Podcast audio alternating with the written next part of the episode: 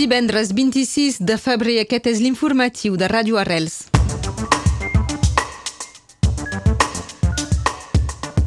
Joan Castex anuncia que es posen 20 departaments en vigilància per eventuals confinaments els caps de setmana. El tràfic del tren groc serà interromput a partir del dilluns per unes obres.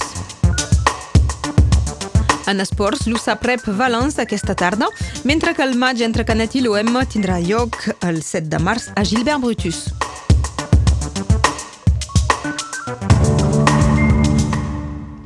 Cinc bombes dels anys 30 van aparèixer sobre la platja de Torrelles després dels temporals amb mala mar dels darrers dies.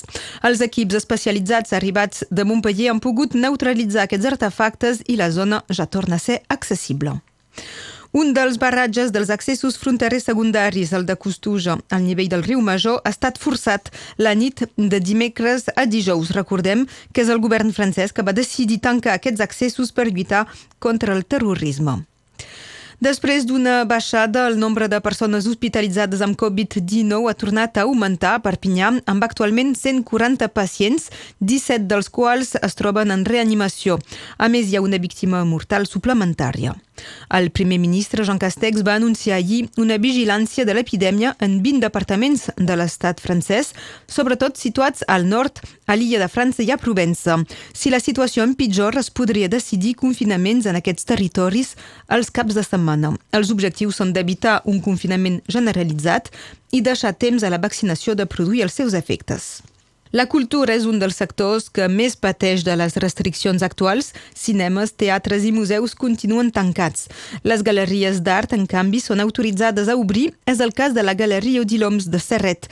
Coneixen, però, moltes dificultats lligades, entre altres, a l'ignorància d'aquesta excepció cultural, així com el fet que hi ha menys visitants de fora i, precisament a Serret, que el Museu d'Art Modern sigui tancat des de fa quasi dos anys per unes obres. Segons l'Odiloms, una altra dificultat és la preparació de futures exposicions. Tothom està penjat.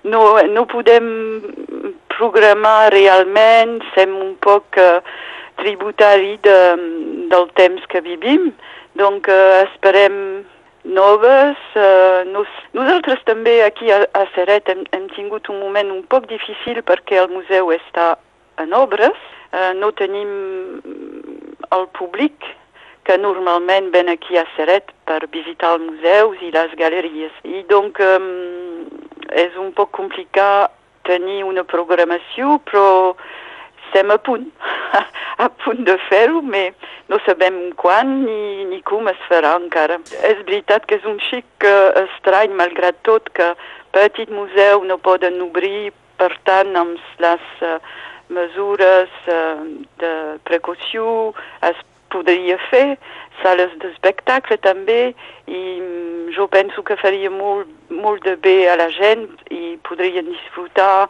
i alleujar aquest uh, temps que vivim. Les paraules d'Odiloms, uh, que té una galeria que porta el seu nom a Serret.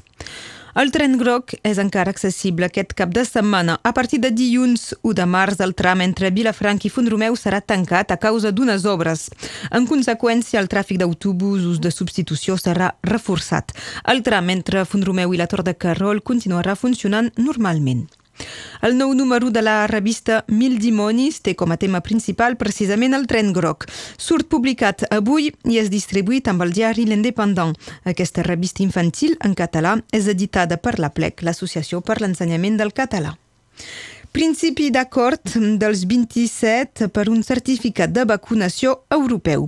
Els caps d'estat i de govern de la Unió Europea s'han reunit telemàticament aquest dijous i eh, s'han eh, compromès a impulsar una eina digital que permeti compartir informació entre els estats sobre els ciutadans que no suposin cap risc per viatjar perquè s'han vacunat o perquè han demostrat eh, que són immunitzats.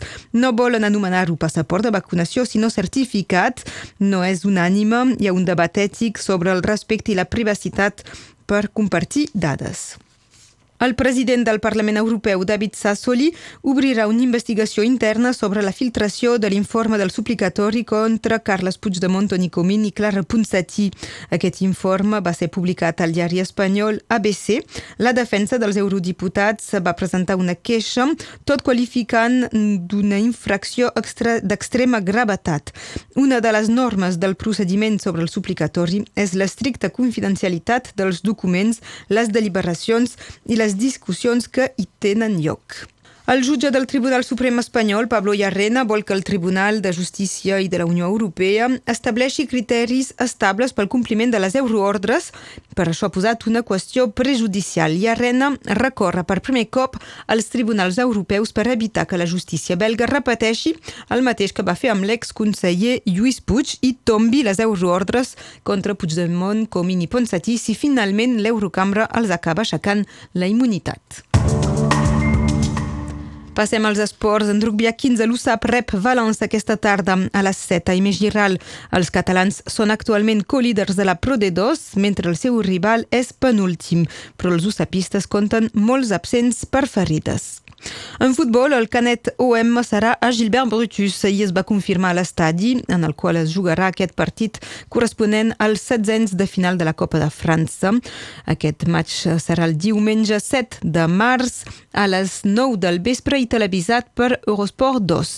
En conseqüència, el partit de pretemporada dels dracs catalans el dia abans, el dissabte 6, tindrà lloc a M. Giral per no malmetre la gespa de Gilbert Brutus.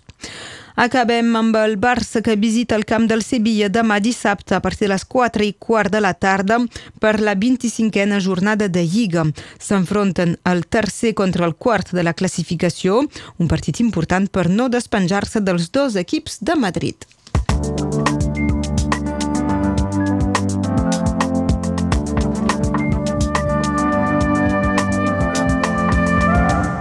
Passem ara a la previsió del temps amb l'Enric Balaguer.